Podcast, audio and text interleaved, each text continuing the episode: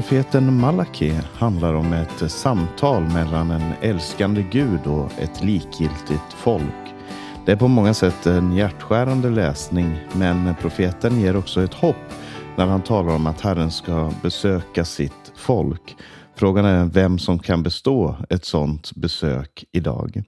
Det här ska vi tala om idag när vi ska ge några nycklar till profeten Malaki. Jag heter Paulus Eliasson och du lyssnar på Radio Maranata.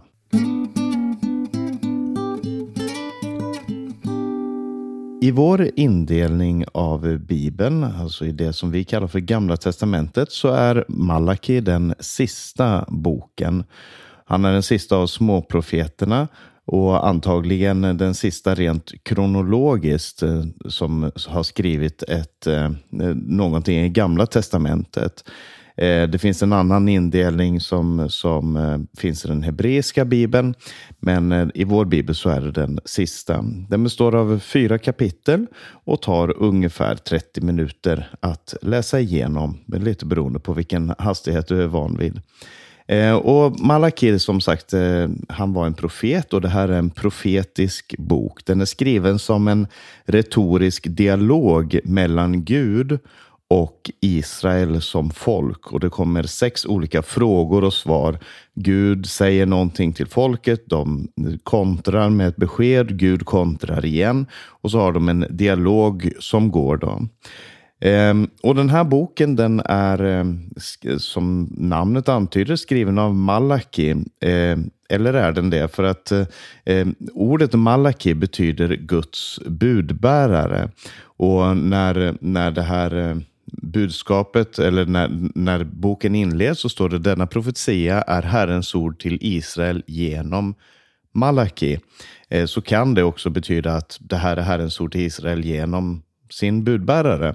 Eh, den kan vara namnlös och så har den tolkats eh, i eh, judisk tradition.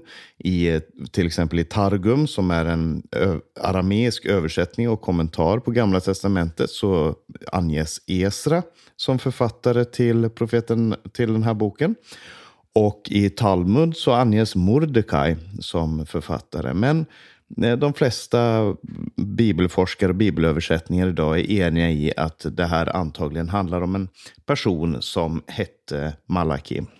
Vi vet inte mer om honom än det som står i den här boken. Och han presenteras inte eh, här heller. Ehm, det är oklart när det här skrevs, men i alla fall så vet vi att det är efter återvändandet ifrån Babylon. Kanske runt hundra år efter och då rör vi oss på 400-talet före Kristus. Eh, och antagligen så skrevs det här från Jerusalem för han refererar mycket till Jerusalem, till templet och det som skedde där. Och det som var kontexten då var att judarna hade vänt tillbaka från fångenskapen i Babylon där man hade varit i 70 år. Ehm, man hade börjat samla de profetiska skrifterna och lyssna till, eh, till de gamla profeterna som förklarade varför eh, Israel förlorade sitt land och varför man var tvungna att gå i exil. Och ehm, eh, Därför så hade man stora förväntningar och ett stort hopp på vad Gud skulle göra och vad som skulle ske när man vände tillbaka. Och vi läser i Esra och Nehemja om eh, det som hände då. Och, men det som sedan skedde var att man fortsatte att leva under persiskt herravälde. Ehm, man fick inte självständighet på det sättet. Och engagemanget för Guds verk det ebbade ganska snart ut. Och de eh, sista profeterna, alltså Haggai, Sakarja och Malaki, de eh, kämpade för att verkligen vända folkets hjärtan tillbaka till Gud. Och, eh, så det, det, är kontexten för den här boken. Det är Malaki som talar till ett folk som lever under ganska goda villkor rent ekonomiskt, men som andligt befinner sig på många sätt i ett vakuum. Och mm, Det är då, som jag sa, sex samtal, olika dialoger mellan Gud och, och mm, det här folket. Och Det handlar om folkets otrohet mot Gud. Det, det handlar om oviljan att förhålla sig till Gud. Det handlar om deras besvikelse mot Gud och Guds svar på det. Och Det handlar också om att Gud ger ett löfte om ett framtida besök. Det är lite liten introduktion till den här boken och nu ska vi gå in i texten.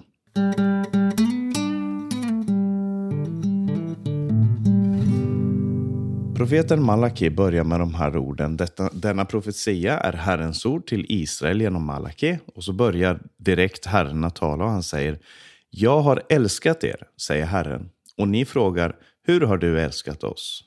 Var inte Esau bror till Jakob, säger Herren. Jakob älskade jag, men Esau hatade jag.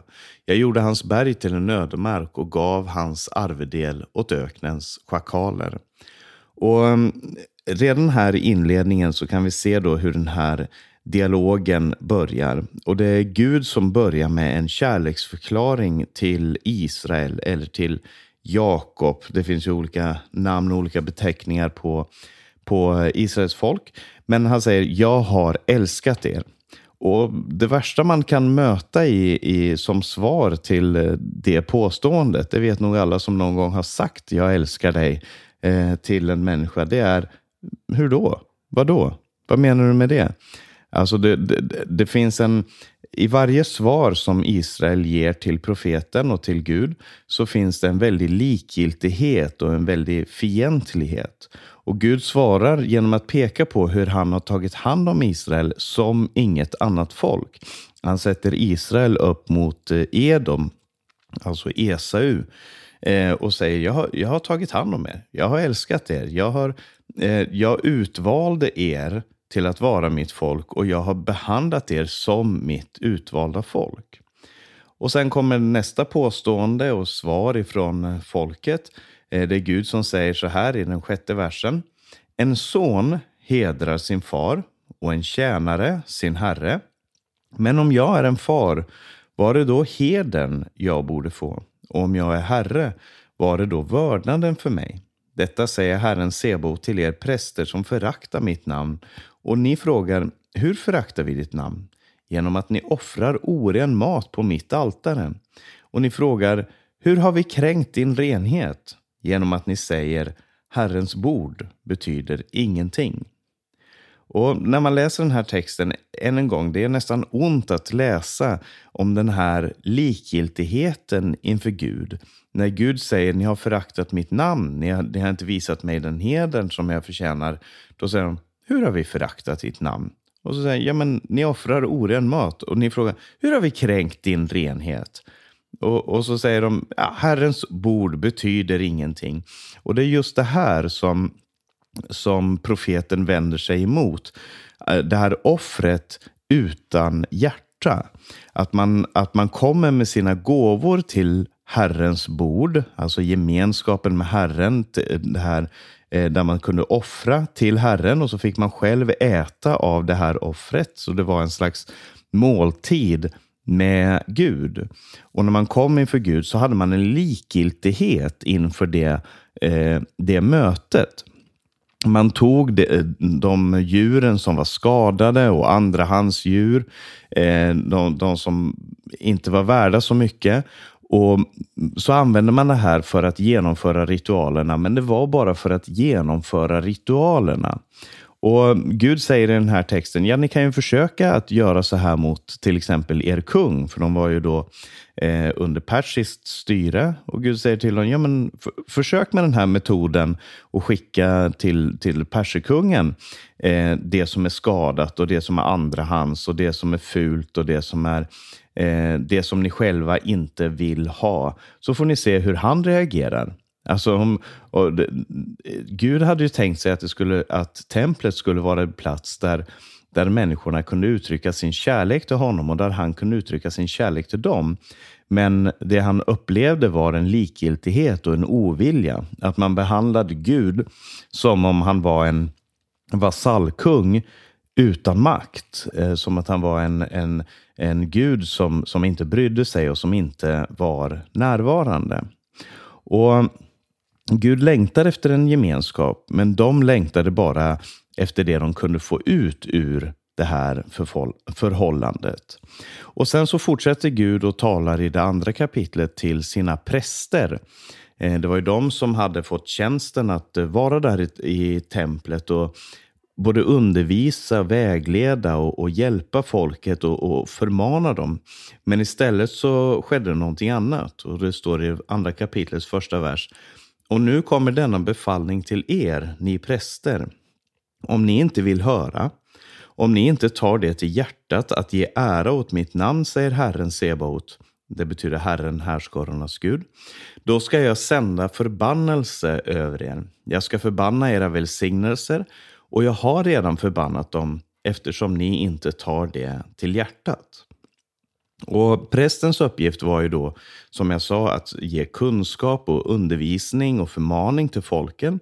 Det var också deras uppgift att, att eh, lova Gud och ära Gud med, med lovsånger där i templet. Det var deras uppgift att offra och det var deras uppgift att bära Guds välsignelse till folket. Så de hade den här eh, prästerliga välsignelsen. Herren välsignar dig och bevarar dig. Herren vänder sitt ansikte till dig. Herren lyfter sitt åsyn till dig och vare dig nådig. Den här välsignelsen ifrån Gud om Guds närvaro och Guds, eh, Guds ansikte som lyser över folket. Det, eh, den välsignelsen skulle prästen bära ut. Men så säger Gud att jag kommer, jag kommer förbanna era välsignelser. Just därför att ni inte tar det här till hjärtat. Därför att det Gud längtar efter, det är tillbedjare som tillber honom i ande och sanning, som Jesus säger i Nya Testamentet. Det handlar inte om var eller vilka ritualer man klarar att utföra, utan det handlar om ett hjärta som är berört av himmelen. Och det var budskapet eh, som Malaki fick eh, förmedla också. Eh, prästerna skulle förmedla välsignelse, men det blev istället tomhet och de vill inte ge ära till Gud. Och så vidare i texten så påminner Gud om det här förbundet som han hade ingått med prästerna, deras stamfar eh, Aron, eh, som här kallas för Levi därför att det var Arons stamfar i sin tur. Eh, han påminner om det förbundet som han ingick och så säger han i den sjunde versen för prästernas läppar ska bevara kunskap och man ska hämta undervisning från hans mun eftersom han är en budbärare från Herren Sebaot. Men det Gud såg istället då ibland prästerna och ibland folket, det var en korruption. Att man blev korrumperad och, och att man inte längre brydde sig om det som hörde till Gud. Och Det fanns liksom ett mönster att folket brydde sig inte och prästerna brydde sig inte. Vad som var orsaken till det ena eller det andra kan ju vara svårt att, eh, att uttala sig om. Var det folket som förledde prästerna eller var det omvänt? Men oavsett så, så skedde det en förändring här. Och från den tionde versen i andra kapitlet så talar Gud om äktenskap och om sitt eget förbund. Och Det här är väldigt vanligt bland de gammaltestamentliga profeterna eh, och även bland Nya testamentets apostlar, eh, att de talar om förhållandet till Gud som förhållandet i ett äktenskap mellan en, en man och en hustru. Eh, och där där deras eh, otrohet, alltså i äktenskapen, judarnas, eh, de judiska männens otrohet i sina äktenskap blir en bild på eh, otroheten som de har emot Gud och förbundet med honom. Det finns alltså en, en eh, någonting som ligger nedrotat i personerna. För att de, det som sägs här i texten är att de judiska männen hade tagit sig nya hustrur från folken runt omkring. Alltså de hade gift sig som, som unga med, med judiska kvinnor. Men sen hade, de, eh, sen hade de som polygamister eller bigamister varit otrogna och polygama. Och genom det här, inte bara så, så föraktade de då sin ungdomshustru och, och lämnade henne i sticket eller behandlade henne illa och, och bröt äktenskapet med henne. Utan det var också det att de här nya hustrurna som de då hämtade ifrån andra folk, eh, de förledde dem till avgudadyrkan. Och på det sättet så var man otrogen också emot Gud. Och de här två tingen hänger väldigt tätt ihop. Troheten mot Gud och troheten mot sin hustru. Och sen så kom de då till Guds tempel och så var de besvikna på Gud och de var arga på Gud och de var ledsna och ropade till Gud och sa varför får vi inte bönesvar? Kommer till hans tempel och ber och ber och säger men det händer ju ingenting, vi får ju ingen bönesvar. Och så står det i den fjortonde versen och ni frågar varför? Och så kommer svaret därför att Herren var vittne mellan dig och din ungdoms hustru du har varit trolös mot henne trots att hon är din maka, din hustru som du ingått förbund med. Så det var inte irrelevant för Gud hur det här folket behandlade sina hustrur. Då. Och senare i vers 16 så fortsätter Gud och säger jag hatar skilsmässa, säger Herren, Israels Gud, och att man höljer sig i våld som i en klädnad, säger Herren Sebaot. Så var på er vakt i er ande och var inte trolösa. Gud hatar skilsmässa. Gud hatar att man höljer sig i våld som i en klädnad. Det här är väldigt allvarliga, väldigt starka ord som Gud talar om. Men så börjar de fråga då, ja men var är rättvisans Gud? Alltså var är Gud någonstans? Eh, skulle inte Gud komma till sitt tempel? Fanns det inte ett löfte härifrån Hesekiel och de andra profeterna, Jeremia, Jesaja, att Gud skulle komma till sitt tempel? Och nu hade man byggt det här templet under Esra och Nehemjas tid, Zerubabels tempel. Eh, men så kom inte Guds härlighet dit. Vad, vad, vad, är rättvisan i det? Varför ska vi leva under förtryck ifrån den persiske kungen?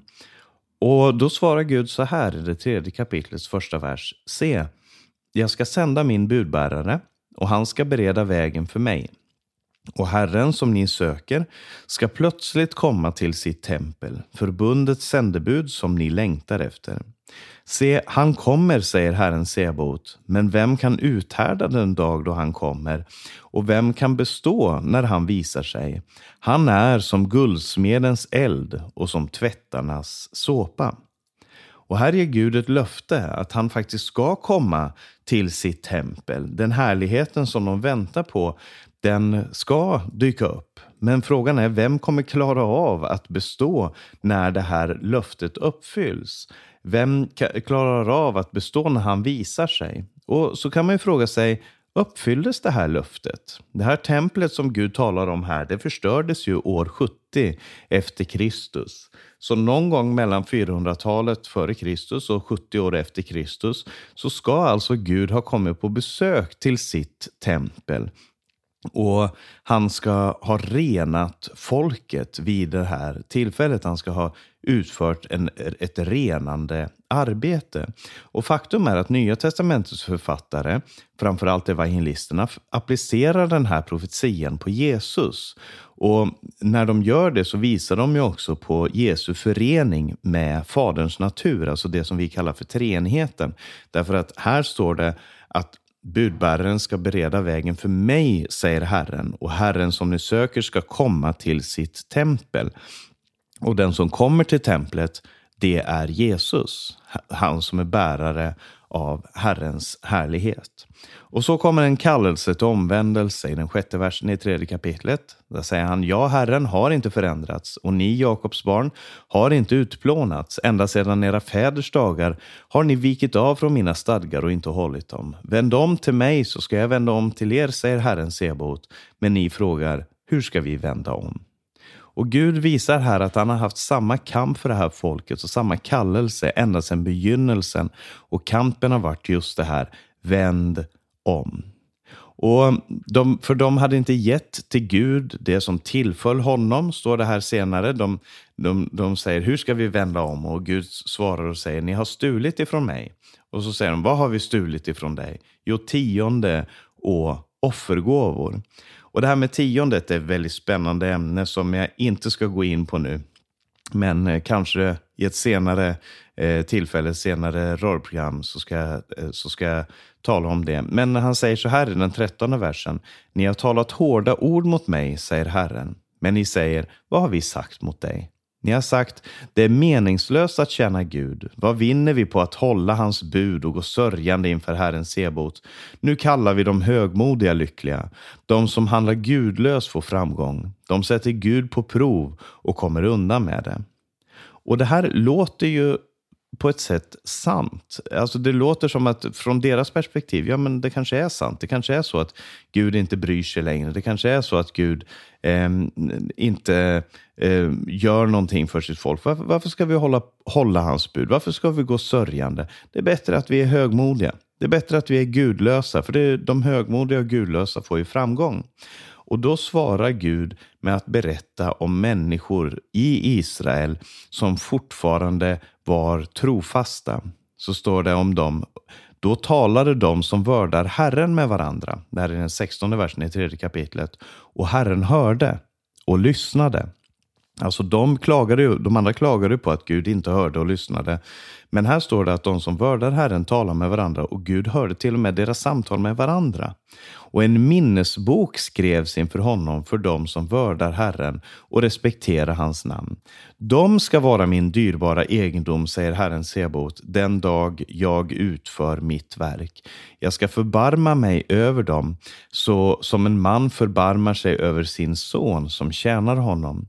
Då ska ni åter se skillnaden mellan den rättfärdige och den gudlöse, mellan den som tjänar Gud och den som inte tjänar honom. Och Det här visar att det finns en möjlighet att vara trofast mot Gud. Och det finns ett löfte om att Gud registrerar, att Gud vet vilka samtal som har hållits mellan de heliga. Här står det att en, minnesbro, en minnesbok skrevs inför Gud eh, för de som vördar Herren och respekterar hans namn. Eh, och Gud ger det här löftet att de ska vara min dyrbara egendom. Och det, Jag tror att det är väldigt mycket det som Jesus visar när han kommer och han utväljer de här enkla människorna som har satt sitt hopp till Gud. Vi kan läsa om, om eh, lärjungarna. Vi kan också läsa om när Jesus blev född, om, om Simeon och Hanna som i trofasthet var tjänade Gud i hans tempel, som bad till Gud. Det här är de människorna som Gud har knutit sitt löfte till. Saliga är de fattiga i anden. Saliga är de som hungrar och törstar efter rättfärdighet. Det här allt det här når en uppfyllelse i Jesus Kristus. Och Sen kommer det fjärde kapitlet, det sista kapitlet, ett väldigt kort kapitel som handlar om att Herrens dag kommer och som i så många av de andra profeterna så, så varnar han för Herrens dag och säger att ni som väntar på Herrens dag, fint, men Herrens dag, den brinner, den renar. Men för de som vördar Herren, och han har ju nu kategoriserat då människor antingen som de som inte respekterar Herren eller de som gör det. Och så säger han de som vördar Herren, för dem kommer den här dagen som en rättfärdighetens sol. Och så ger Gud ett löfte om att han ska sända profeten Elia. Eh, det var en, en tidigare profet, men han ska sända en man som ska komma i Elias ande. Och Nya testamentet tolkar det här som att det handlar om Johannes döparen som uppträdde, uppträdde som en ny profeten Elia.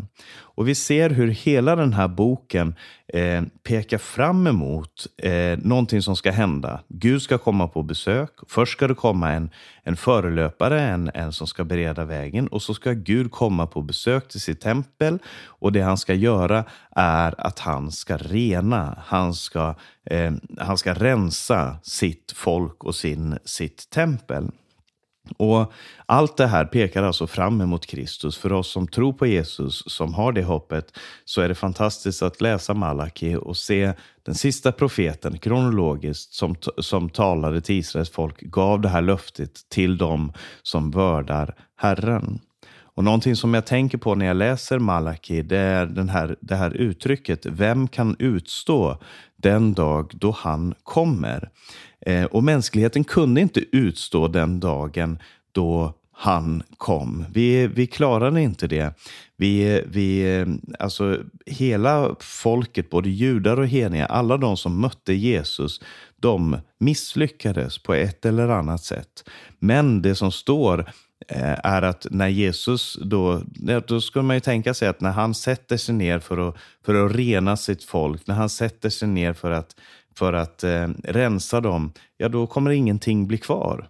När den här elden brinner så kommer ingenting rättfärdigt bli kvar. Men eh, det som händer i berättelsen om Jesus, det är ju att han bär straffet.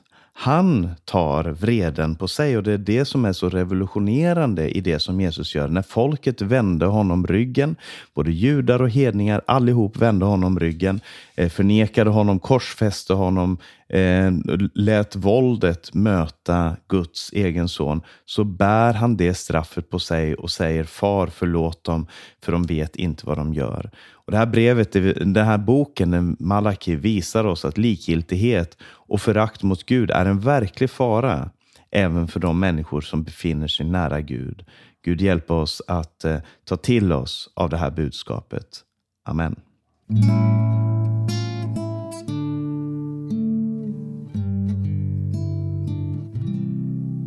Vi ska alldeles strax lyssna på sången Stor är din trofasthet med Kristina Imsen. Men först ska jag bara ge lite avannonseringen. För du har lyssnat på ett program ifrån Radio Maranata och Maranata Podcast. Jag heter Paulus Eliasson och det här programmet har sänts över Stockholm och Örebro närradio. Kan du också lyssna på dem där om du har möjlighet till det. Sprid gärna den här podcasten också till andra om du finner det till välsignelse. Ehm, du kan komma i kontakt med oss genom att skicka en e-post till infosnablamanonata.se eller ring 070-201 60 20. Ehm, eller gå in på vår hemsida maranata.se för mer information. Sprid Guds välsignelse till alla du möter och på återhörande. Stor